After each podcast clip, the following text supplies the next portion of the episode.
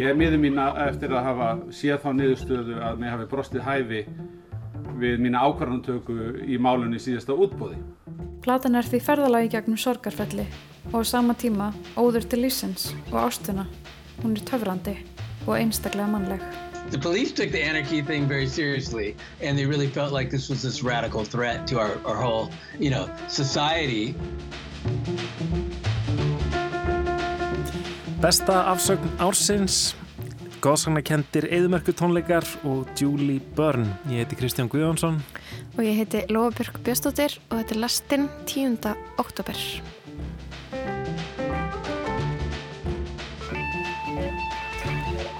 Já, nóg um að vera í heiminum þessa stundina. Nú er það risafréttir úr íslenskum stjórnmálum. Bjarni Benediktsson hefur sagt af sér sem fjármálaráðherra. Snemma í morgun byrtist álit umbóðsmanns alþingis um sölu ríkisins á hlutinum í Íslandsbanka í fyrra. Þar sem að pappi Bjarnar var meðal þeirra sem kipti hluti í bankanum. Umbóðsmaður segir Bjarnar hafi verið vanhæfan og Bjarni hefur brúðist við með því að segja af sér. Já, margir hafa hrósaðunum fyrir að axla ábyrð og virða líðræðislegar stopnannir þó hann sé ósamálaðið þeim en aðrir tólkaði þetta auðvitað bara sem snjallan pólitískan leik hjá Teflon Bjarnar sem að núna sé að setja pressu á Svandísi Svavastóttur og ætli svo bara sjálfur að verða utanríkis ráðherra. Við eh, höfum svo sem ekki myndað okkur eh, skoðun eða greint þetta í þaula en við ætlum hins vegar að rína í sjálfa afsagnaræðuna orðin sem að Bjarni sagði. Þessa niðurstöðu hyggst ég virða og ég tel í ljósið þessara niðurstöðu að mér sé ég reynd ókleift að starfa hér áfram sem fjármáleifnaðsraðura að frekari undurbúningi á sölum á eignarhlutum ríkisins. Therefore, I shall resign the presidency effective at noon tomorrow. Vice President Ford will be sworn in as president at that hour Thank you, thank you. in this office. It is clearly now the will of the Parliamentary Conservative Party that there should be a new leader of that party and therefore a new Prime Minister. And I, I do so with no ill will, but with enormous and enduring gratitude to have had the opportunity to serve the country I love. Og í því ljósi þá hef ég ákveðið að stíga til hliðar til þess að skapa vinnufrið uh, næstu vikurnar uh, sem að verða uh, það sem einhverjum spurningum og einhverjum álitefnum verður svarað. Hanna Birna segir í yfirlýsingu sinni í dag að ákvarðuninnar sé miklu fremur persónulega heldur en pólitísk. Málið hafi gengið og næri fjölskyldanar og henni sjálfri til án getið starfað áfram. Jáfnframt er ljóst að allþýðiflokkurinn hefur á sama hátt ekki hlotið sangjarna um fjöllun. Það sama gildir að hluta um ríkistjórnina. Með vísan til þessa óska ég, eftir, óska ég því eftir laust frá störum félagsmálráðfra í, í ráðunni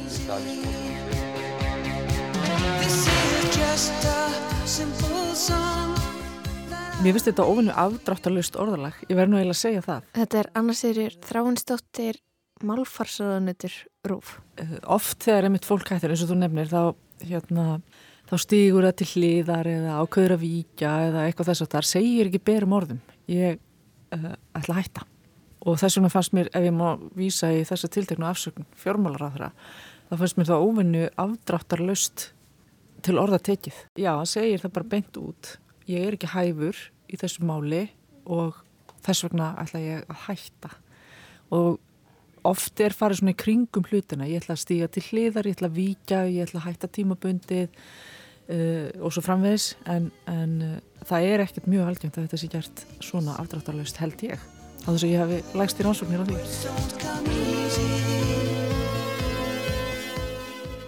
Andrés Jónsson, almanantengill hjá ráðgjafafyrirtækinu Góð Samskipti er komin hingað í lestina. Verður velkomin. Takk fyrir. Mér langar að byrja á því að sko spyrja þig, svona út frá sjónurhörni almanatengilsins, hvað er góð afsögn? Sko frá sjónurhörli almanatengslafræðina þá er góð afsögn eitthvað sem að verður þess að endurheimta tapa tröst.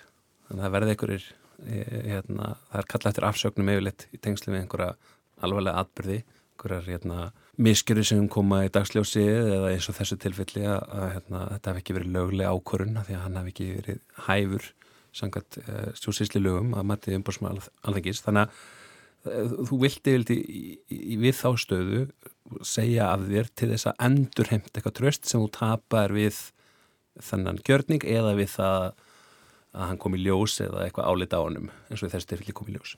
Þannig að uh, það er svona góð afsögn að, að hérna þú snýr því við í raunni að fólk segir, heyrja, við komum til gerði rétt. Það var rétt að stiga til hliðar.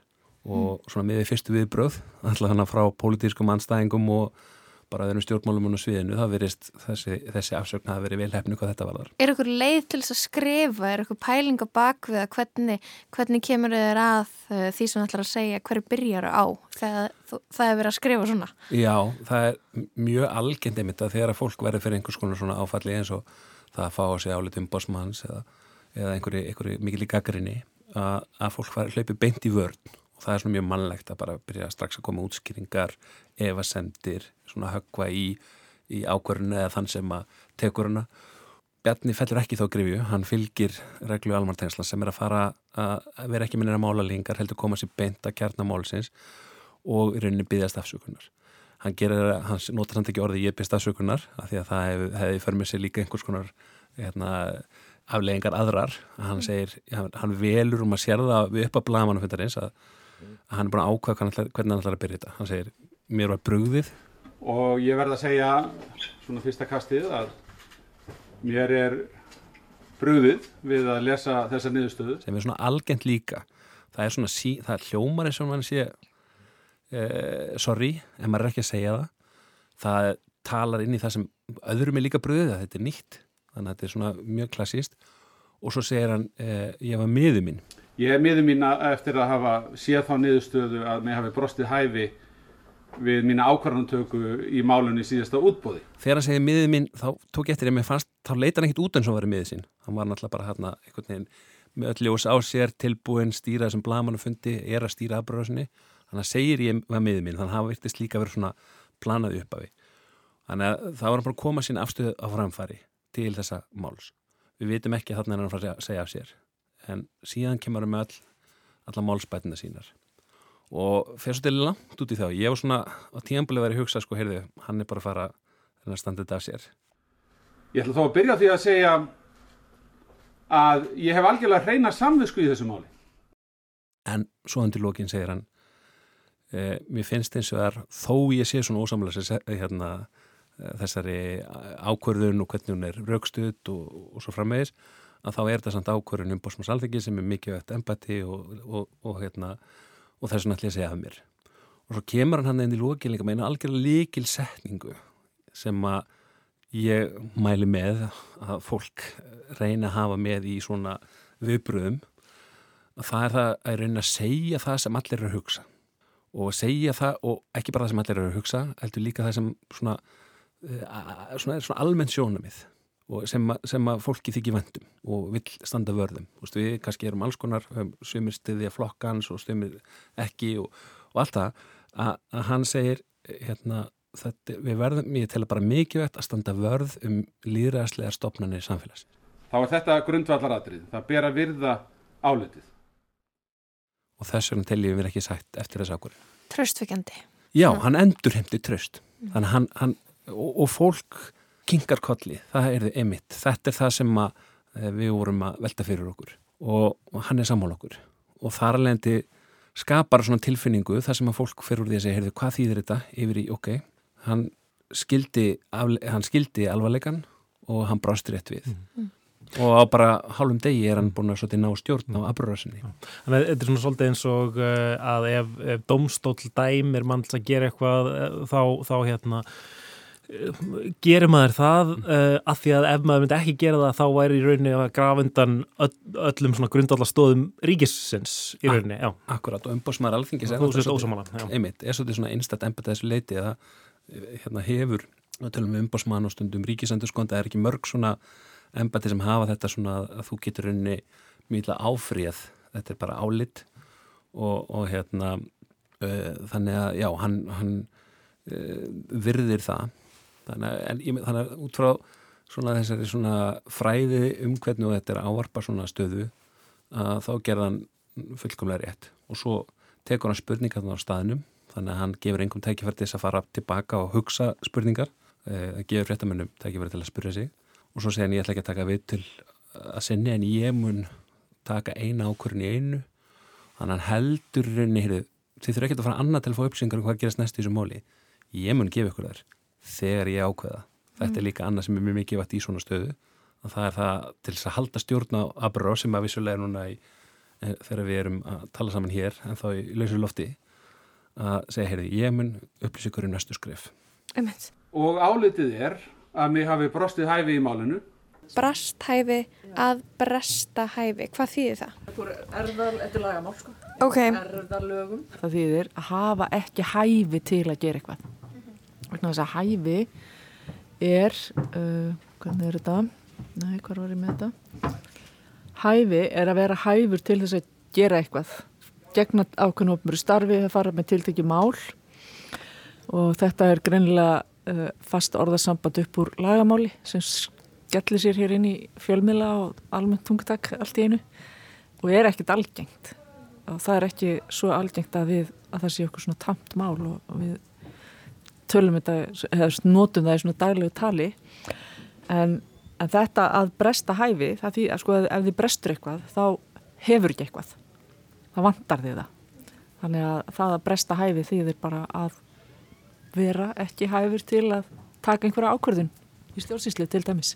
Ég held að þetta væri nefnilega mér brást hæfi. Þú Veist, þá skilur maður það sem eitthvað svona uh, hæfnin brást mér sem er allt annað heldur Já, en að bresta hæfi og brast hæfi. Já, þannig að þá skilur þá má, já, þá má skilja sem þannig að, að, að já, eins og þú segir, hæf- hæfnin hafi brúðist þér þú, þú hérna, sérst einhvers konar þólandi í málinu en þannig er það vist ekki Þannig að bjarna brast hæfi.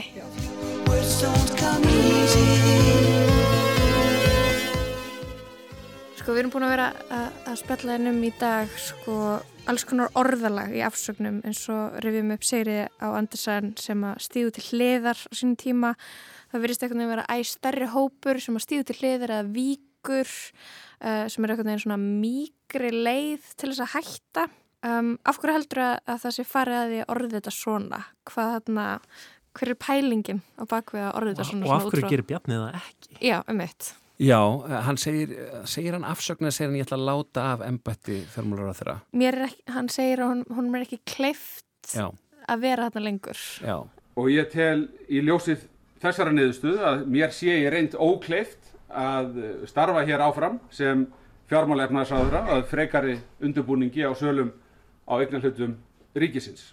Hann segir að hún sé ókleift að, hérna, eh, halda áfram starfi fjármálar á þeirra og undirbúa söl, frekari sölu og eignarhlutur ríkisins í, Íslandsbanka eða eignum ríkisins og hann, hann segir ekki að hann segja af sér og ég held að, að þetta sé sko rétt að það er óalgengar að fólk noti eh, svona sterk orð um sjálft sig, neikvað sterk orð vegna þess, sko, ég, ég mæli yfirleitt ekki með því, vegna þess að það er ákveðin hugrenninga tengsl sem bara koma við það. Og svo er þetta orðið algengar að fólk e, grípi fyrirsagnir og fyrirsagnir er móti frekari fréttir. Og, og hann, hann, hann eins og Sigurður Andersen og, og fleiri á undan e, velur svona einhver mýkri orð og það er bara skinsanlegt af því að þetta eru, við erum einhvern veginn þannig manneskjur að við svona veist, orð, orðaval, sérstaklega svona dramatiskum stundum að, að það skiptir mjög miklu máli. Þannig að ef þú hefði verið að hjálpa Bjarnar Bena að skrifa þessa, þessa litlu ræði sem hann flutti þá hefur þú sagt og Þetta er, þetta, þetta er flott leið til orða. Já, ég held að það hefur allt í lagi, sérstaklega hans stíl. Hann er ekki mjög svona einlegur nótunum, þannig að hann þarf bara að vera aðeins einlegur, ekki mikið, þá finnst okkur allt í henni eins og, eins og það er flökkusaga hann hafi gráti í beinu útsendingu, en í rauninni hann komst við. En, en sagan er svo að hann hafi gráti á sín tíma þegar, þegar hann að byrna ætlaði að fara gegn honum í formastóli henni fyrir nokkrum árum. Uh, en, en það er þetta fín lína eins og við sjáum til dæmis á, á hérna, viðbröðum Byrnu Einarsdóttur bankastjóra Íslandsbanka þegar hún er að útskýra að uh, velja ofmjúk orð um sig og í því, því tilfelli þá leittu þau hluta til til gaggrinn á hana og, og afsagnar þannig að þetta er mjög fín lína að nota ekki ofvæg orð það er að taka ykkur ábyrð. Já, vera, mm -hmm. já og, og fólk getur líka hengt í orðanótkun og við, þetta var umræðið til dæmis um orðanótkun hjá uh, hérna, hlaðarstjórnanda sem uh, var að vinna á heimildinni og hætti síðan þar uh, Eddu Falag sem mm. dæmi og þar var svona, skapast umræðið um orðanótkun í afsökunarbeginum þannig að þetta er fín lína, það er alveg alveg skynsalegt að nota kannski ekki sterkustu neikvæðstu hugtök um sjálfvæði þegar þú ert að tjá þig en samt án þess að komi það nút og sérst að við gerum undan ábyrð. Mm. Eru í nútímanum, eru allir sem að um, segja af sér stjórnmálamenn eða, eða toppar hjá okkur fyrirtækjum, eru þeir allir með almanna tengla sem að hjálpa þeim að skrifa ræðunar? Já, eh, með lítilli, örlítilli, sko ég held að myndi koma fólki óvart hversu oft eh, hérna talaður við, oftast almanna tengla en það geta líka verið bara eins og stjórnmálum er alls konar fólk með reynslu á þessu sviði e, fólk með reynslu af fjölmjölastörfum og svo framvegis en meira segja bladamenn veist, hörðustu bladamenn landsins þeir ringja í, í fólk eins og, eins og mig þegar þeir lendi í vandræðum. Þannig að það, jafnvel þeir sem að það, það er mjög erfitt að vera dómar í eigin sög, það er svo mikla tilfinningur undir og, og hérna og það, það er einfallega svo mikið í húfi Eh, en ég fór að hugsa sko um svona gerendalust tungumál mm -hmm. af, af hverju fólk er að velja í auknum mæli að tala eins og mm -hmm. það sé enginn gerandi málin eins og í stæðin fyrir að segja mm -hmm. ég brauð trúnað að segja það hefur orðið trúnaða brestur einmitt, einmitt. er þetta, þú veist, hver er lókíkin á bakvið að, að fara þessa leið? Sko ég er ekki ofrifin af svona orðalagi og þannig er oft slagurinn svolítið á milli, þú veist, ráðgefa eins og okkar í minnistjætt og kannski þeirra sem að e, eru að senda frá sér einhvað, einhver sögur eða yfirlýsingu og í mörgutillum þriðja, þriðja aðila sem er oft lögfræðingar og lögmenn sem eru líka kallaði til og eru þá að tala um, heyrðu, þú getur ekki gengið á langt í að segja ég gerði eitthvað vegna þess að það er að höfða mál gegn þér eða eitthvað slíkt eða segja að þú hefur jafnvel, viðkjönd eitthvað brot og við komum að geta farið í skafambóta mál eða þú ert óber embatsmaður og þá geta þitt sko, skafabóta skapætu til handa eh, hérna, eh, einhverjum sko sem þú ert að hjáta að hafa broti gegn og svo framvist þannig að það er, mm. það, það er oft þetta að fólk er að reyna svona segja að það hefði gert eitthvað án þess að segja það beint og án þess að segja ég hefði gert eitthvað. Þú veist það hefði e, það er ofta er að fólk að tala bara um að e, við það verði ekki búið óþólandi stað að hafi komið upp við þessar aðstæður þá segir mér ekki fært. Þú veist hérna ég, ég til mikið vægt að skapa vinnufrið, þú veist, allt þetta. Það er svona mm, óljóst tekur og gerur okkur öll samseg svolítið sko, mm. umfulluninn og þú veist, hérna um, uh, þú veist og, og þótt ég sé ekki sammóla þá eitthvað svona, þannig að meðan að mér finnst þetta mjög mikið að vera að taka svona skýra ábyrð og, og ég oft segi við lögumennina að því þetta er oft í sama herbyggi eða sama funda sama hérna símafundinum bara nefni mér hæstu upphæð sem hefur verið dæmt vegna miskabúta í íslenskum rétti og það eru bara örfáða miljónir það er ekki mikið yfirleitt í stóra saminginu fyrir, fyrir svona kostnaðsum og dýrmál það sem að mitt dýrir ákjáðar komað þannig að, að, að það sé betra og jafnvel eh, og það kannski, og ég verða viðkjana, ég hef oft sagt sko jafnvel við viðkomandi sem að þarf að senda frá sér þessa yfirlýsingu eða, eða ákveð hvað hann ætlar að segja blamannufundi að hérna, jafnvel þú sett ekki fyllilega sammóla skilur þú að þetta hafi verið alveg svona alvarlegt eða þú veist, viljið ekki tapa svona djútt í árinni, það er betra að gera það strax til að tæma málið og og frekar en að það drægist á langin og vera rekin og það er alltaf þetta að vera rekin og einu hortni annað. Að að þú skilur eitthvað eftir í svona yfirlýsingu þá fer fólk að bóti í það byttu var tókstu ábyrð berður umverulega ábyrð en auðvitað er þetta flókið þegar það eru domsmál við sáum það þessi MeToo í bylgin þá voru þetta mikið svona yfirlýsingum sem að vera fjallin bara mál sem að veist, hafa verið ekki verið kærð um, og eru kannski refsivert aðtæfi og, og þú veist, lögfræðingar velta við sér, þau getur samtitt á og oft ólíku upplöfun aðila.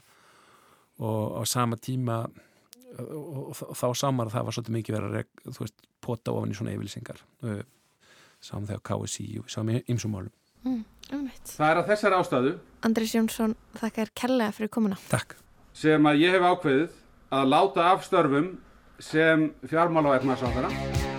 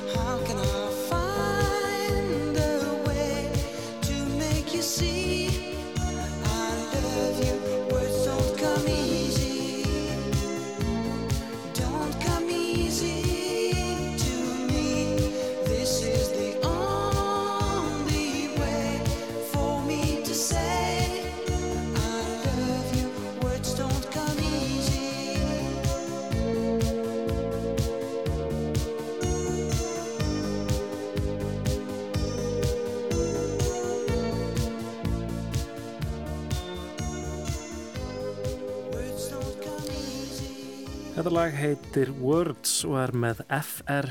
David. Þar á endan heyrðu við í Bjarnar Benedikt sinni. E, fráfarandi fjármálaráðherra og Andrisi Jónssoni og önnu Sigriði Þráinsdóttur. Um, þau voru bara ansi ánað með það hvernig Bjarni stóða þessari afsögn, kannski besta afsögn ársins, getur við, getur við sagt. Já, það er einhvern veginn svolítið svona dæmigerst fyrir Bjarnar Ben sem stjórnmálumann að þegar hann sé hann loksins segir af sér sem er eitthvað svona sem um, margir hafa kannski beðið um í mörg ár þá er hann líka ógeðslega góður í því. Það er kannski smá, já það er típist um, en ég er líka búin að vera að hugsa svolítið um sko, við vorum náttúrulega að pæla í orðunum og orðalægi þegar og, og hvernig um, hvernig orðalægi er orðið, orðið svolítið svona mjúkt mm -hmm. uh, enginn segir ég er að hætta, uh, ég er vanhæfur. Eitthvað svona, eitthvað sem hljómar aðeins betur. Um, ég voru að hugsa um veist, það sem kom sérn í ljós um, eftir blagamannafundin aðan að Uh, Bjarni Ben hefði fengið þessa tilkynningu frá umbásmanna alþingis á lögadaginn og hefur marga, ja, ekki marga daga, nokkra daga til að undirbúa sig, taka ykkur ákvörðun, skrifa ykkur á ræðu. Um, en svo kemur þetta á vefin í morgun, sjö minútur setna er búið að búa til bladamannafundar, hann er síðan haldinn klukkutíma setna og það kemur hann svona þannig fyrir sjónir eins og uh, hann sé ótrúlega fljótur að taka ákvarðanir, ótrúlega fljótur að hugsa, taka Uh, mm. góður að orða hlutina Les, uh, lesi bara hérna álettun umbótsmanns og ringi, ringi bara í fréttastjóra yeah. og bara herðu við, við vera með blagamannafund og þá erum bara búin ákveða að segja mm. á sér Ég veit, það Já. er einhvern veginn auðvitað ekki þannig en það kemur þannig út og ég held að það skipti það skiptir alltaf mm -hmm. miklu meira máli, hvernig hlutinni koma út heldur en hvernig þeir eru raunverulega. -hmm. og þetta er náttúrulega svo mikið leikurs en, og, og svo, svo tekur hann sagt, spurningar bladamanna alveg bara þannig beint eftir uh, ræðuna sína. Og, og þannig að bladamenn hafa engan tíma til þess að undibúa sig og svo tekur hann ekki við töl fyrir bara á velvöldu augnabliki og strax og einhver spyr út í pappans þá höfum við ekki tíma fyrir fleiri spurningar Einmitt, við uh, fylgjumst áfram með nýjustu vendingum í íslenskum stjórnmálum og, og uh, munum ekki greina stjórnmálinn sjálf heldur orðin mögulega áfram í lestinni. En við ætlum að snú okkur öðru, við ætlum að snú okkur að tónlist. Hildur Maral Hamiðsdóttir allar að flytja okkur pistil um nýja plötu Julie Byrne, plötu sem heitir The Greatest Wing, plata sem að sprettur upp úr mikilli sorg en Hildur er gríðarlega ánað með. Þekkir þau tilfinninguna að heyra í fyrsta sinn tónlistabrót sem lætiðu líðan svo sérst að hitta gamlan vinn. Velliðin flæðir yfir þig, þú far gæsa húð, þú hættir því sem þú ert að gera, tónlistan er hugðin allan og þú veist að hún er að fara að hafa djúbstað áhrif á þig.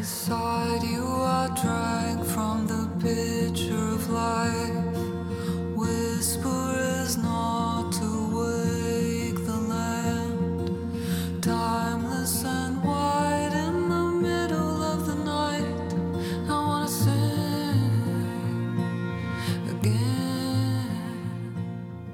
var raunin þegar ég rendiði Greater Wings í gegn í fyrsta senni í sumar.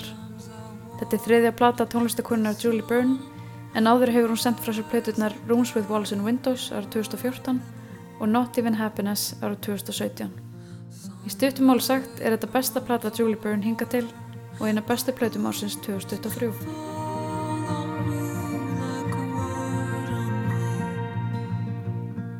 Julie hefur ávalt haldið sér til hljés, fjarrir í aðtegli almennings. Hún er sjálf lært tónlistakona og hefur í gegnum tíðina verið líkt við listakonir á borðið Grouper, Cat Power, Linda Perhax og Vasti Bunyan. Seks ár eru síðan síðasta plata Julie kom út og margt hefur breyst í hljóðheimennar sem á þessar plötu er algjörlega einstakur. Tónlistannar kemur úr indie heiminum, þjóla á skotin en þó framsækjun. Rödd Julie er í dýpri kantinum, blíð og leitandi en hún spilar auk þess bæði á gítar og piano.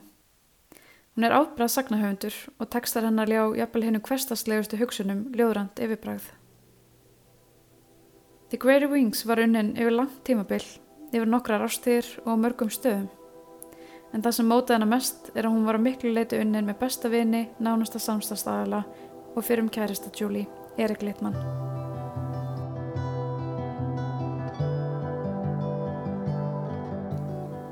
Á meðan Júli og Erik unna á plötunni lést Erik skemmtilega, aðeins 31 ás aldri. Þau hefðu unni saman í um áratug en hann gaf einni út eigin tónlist undir listamannsnafninu Steve Sobs. Þau byggu saman þegar þau unnu saman að The Greater Wings frá haustinu 2020 og þar til komað ótímabæru fráfalli Eriks árið 2021.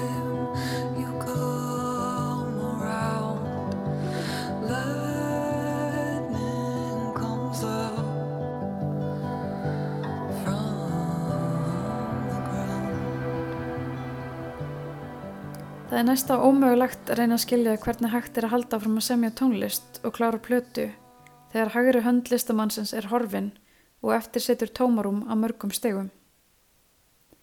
Erik er órjúvanlegur hluta plötunni og hann bregði fyrir í flestum lögum þar sem hann nýmislegði grunna tónsmíðanum á St. Julie eða spilaði inn á upptökur. Í viðtelum hefur Julie opnað sig um Erik og eru auglust að hún sirkir góðan vinn en eftir standur aðalega þakklæti fyrir tíman sem þau fengu saman.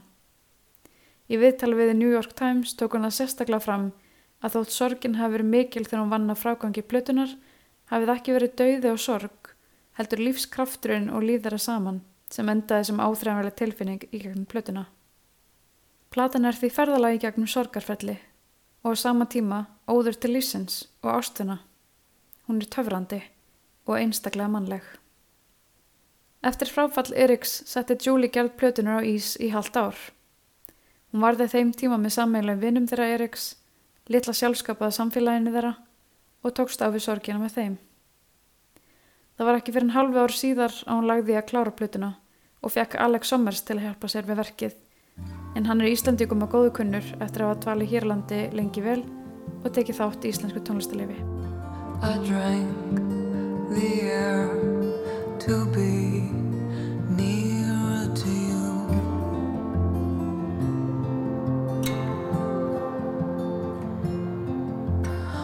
Voices widen through the room.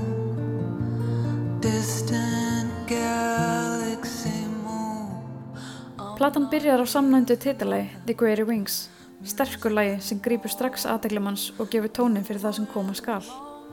Söngur Julie er blíður og útsetningar sem er leiðis, lágvært gítargull leiðandi með fallegum strengja og synda útsetningum myndir. Lægið er gullfalleg hvaðja Julie til Eriks og textin eftir því. Í nýlu viðtali við KXP hafði hún eftirferðandi segjum lægið. I wanted to convey everything that that that relationship has been and continues to be for me and all of the places that we Ég vildi koma til skila hvað þetta samband var og er enn fyrir mér, auk allra skiptana sem við vorum til staða fyrir hvort annað, segir Julie Byrne. Ég vildi að það tegði sig svo yfir í hvar ég er stödd núna, sem sirkjandi mannskja í samfélagi sem hefur mist mannskju sem var svo náinn okkur öllum. Þetta er mín leið til að tjá tilfinninguna um að vinu minn muni alltaf vera með mér. Ég mun búa þeirri ást alla tíð. Þó svo að missir og sorg séu allt um leikjandi á plötinu, eru einnig önnur þemu á The Greater Wings. Í læginu Moonless, sem fjallar um sambandsslitt og er fyrsta lag Julie sem samver á piano, bregður til dæmis fyrir erotík. Julie kvíslar í eir okkar við hörpuslátt og undirspil viðkvæmna strengja, svo nándin er áþreifanleg.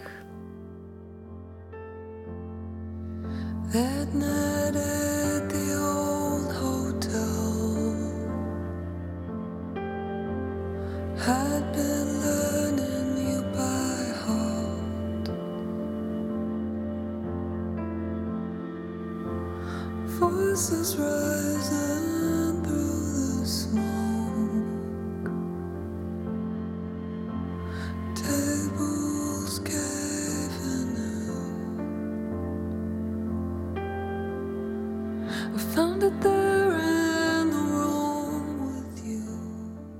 Í sumarsmellinum Summer Glass kennir Ímis að grasa. Fegurðu lagana undan er endi staðar en hér bætist við hraðari taktur synda á hörpu. Upplýfgandi laglínan er kærkominn eftir að tóðið hefur ítrekkað í hjartastrengja á þessum tímapunkti og vonin er í forgrunni.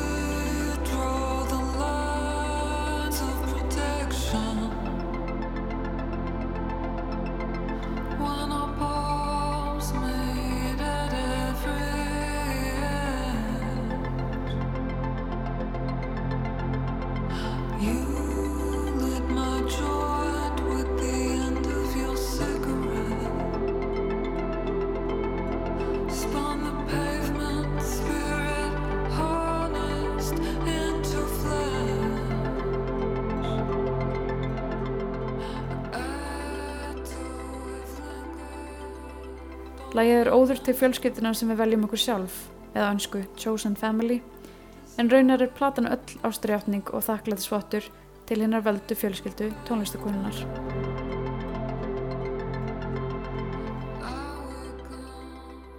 Við heyrum aftur í Julie úr viðtala hennar við KXP. I think that's some of, some of the deepest love and romance that I've known in my life has I've experienced it through friendships and close relationships and I think experiencing grief and loss has only clarified my values. And it's also you know my my relationships with my chosen family are really what what has seen me through Julie Byrne segir þarna Sumar af mínum sterkustu upplifunum af ást hafa verið í formi vináttu og ég trúi því að það að upplega sorg og missi hafi einungi styrt gildin mín.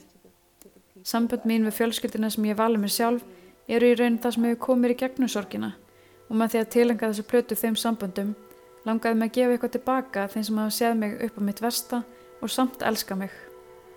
Ég er að læra svo mikið um ást í gegnum þetta ferli og hvernig ég kýsa til staða fyrir aðra. Death is the Diamond, lokalægið, er eina lag plötunar sem var samið að fullu eftir fráfall Eriks og er eins konar hinsta hvaðið að Julie til hans. Lægið er lástemt, ráur píjánuleikur og viðkvæmi strengir.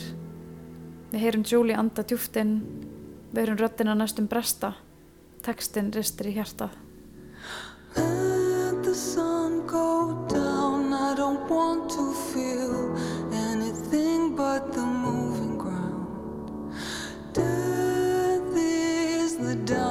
Watched you riding horses across the plains I guess sometimes it doesn't always happen when you're trying. Hmm, but when you live and it comes all.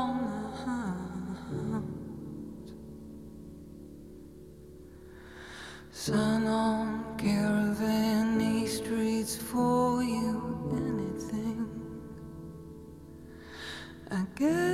it's a story so much greater than our own. Alive, moving through dusk. Alive, if only once. Rétt eins og líf helst í hendur við dauða eru sorg og fegurð andstæður sem þó passa saman af plötunni The Greater Wings. Platan verður betri við hverja hlustun þar sem alltaf uppgötast eitthvað nýtt. Allt frá nýjum hljómi eða textabróti sem allt í hennu hittir í hjartastað. Innihaldið er í aðlusinu hrátt en umgerðin taknilega gallalaus og er neyðustafan einstakt yrna konfekt. Með plötunni The Greater Wings festir Julie Burns í sessi sem einstakur laga og textahöfundur og einn áhugaverðasta tónlistakona okkar tíma.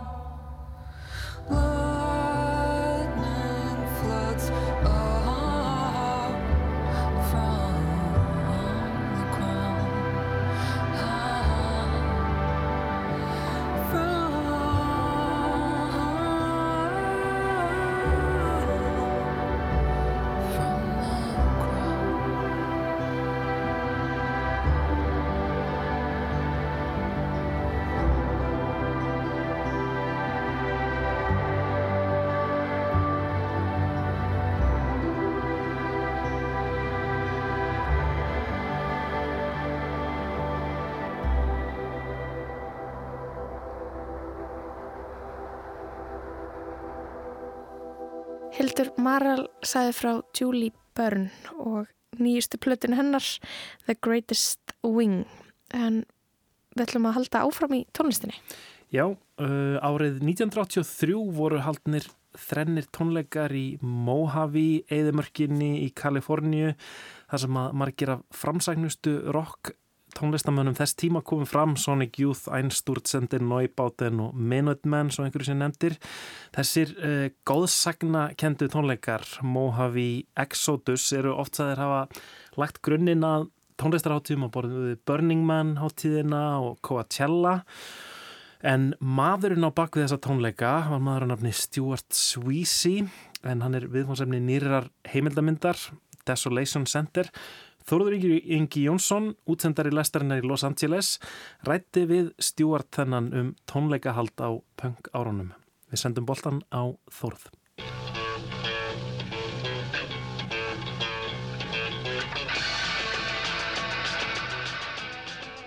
It was uh, it was really yeah it was people connecting over ideas and music and and very different you know uh, types of neighborhoods and stuff that were coming together uh, as part of the scene. What happened is that we, I mean, I had this idea of let's not put on shows in the city, you know, let's just take it out to the desert.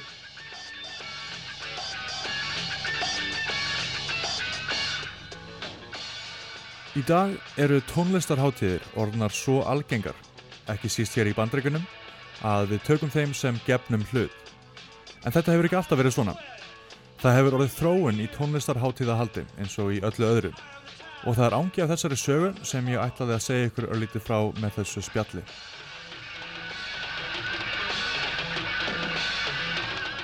Það eru bein tengst millir háttíða eins og Burning Man sem vakti reyndar mikla aðdegli hér á dögunum fyrst og fremst vegna flóða sem þar auðu og tónleikaháttíða eins og South by Southwest og Lollapalooza.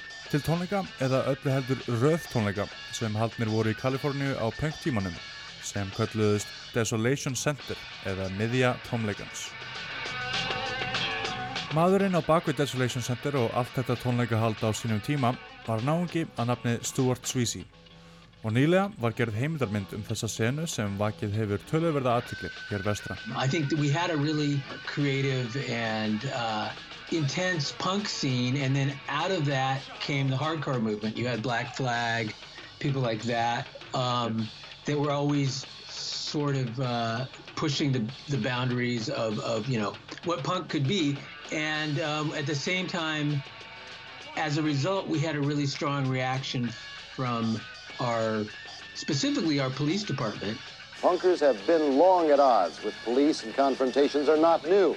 It's our aim to let both sides tell their story and then let you, the viewer, decide for your own self. It was like they took the anarchy thing very, the police took the anarchy thing very seriously and they really felt like this was this radical threat to our, our whole, you know, society. Is the punk movement part of the Nazi movement? No, it's um, the police. That's the Nazi movement. The police is the Nazi movement? Yeah. You know, people were getting beaten up, thrown in jail by the police, and so uh, there was kind of a lull, you know. History has turned a page. Anarchy was the current right.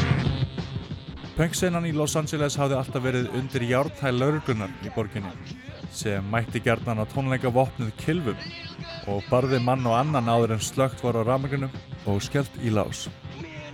I started putting on shows in some small spaces, uh, you know, warehouse spaces and, and uh, rehearsal studios. We were not going to like cater to the local press, which at the time had a lot of power, you know. And so I started thinking about both the music and how it maybe wasn't really being well represented by your typical kind of nightclub, which is really the only place you could you could get away with doing shows.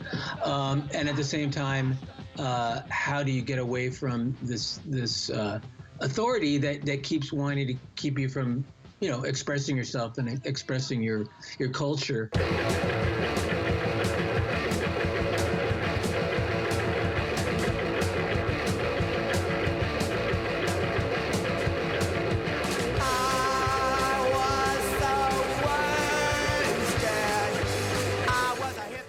Hugmyndin var að halda tónleika á stöðum sem fólk tengdi almennt ekki við lifandi flutning. eins og út í Eðimarkinni, í yfirgefnum verksmiðum, á gamlum aflóga kvalveiðibátum og í rauninni hvar sem því var við komið. Og helst utan alfara leiðar. Yeah, no, I, what I wanted to do, I think, was to um, present this music, which was to me very, uh, you know, uh, it pushed the boundaries of what was going on, even within the sort of punk scene or hardcore scene or, or industrial uh, music, and find a different kind of setting to present it in, and and and see what the effect of that would be on the viewer and on the listeners and on the on the musicians. And so uh, i was looking for environments that had sort of this more bigger scope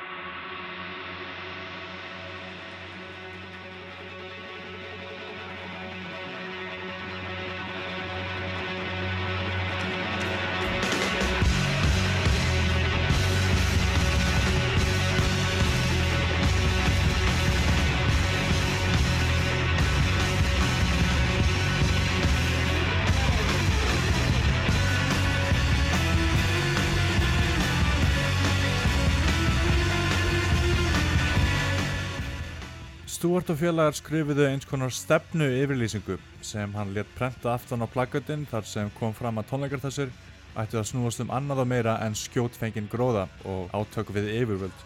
Hann vildi meira að segja að tónleikarnir væru ekki auglýstir, heldur væru þeirri látnir spyrjast út og haldnir eins og áður segir á óheðbundum stöðum.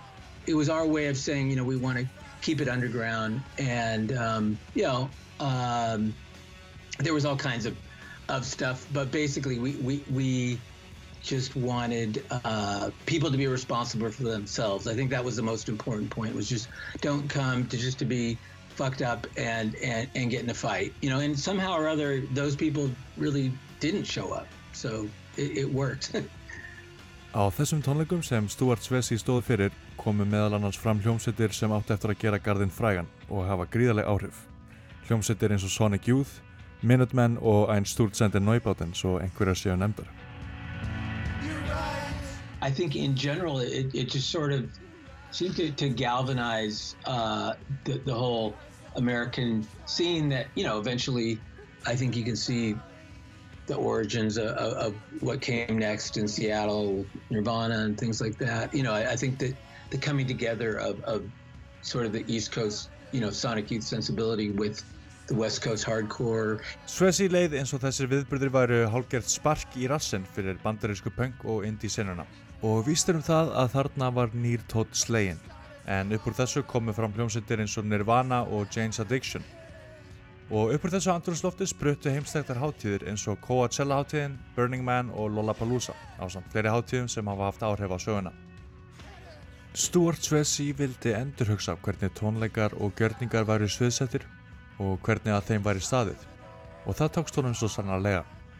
Um leið opnaði hann hugimanna og breytti sín okkar á listina og rockið.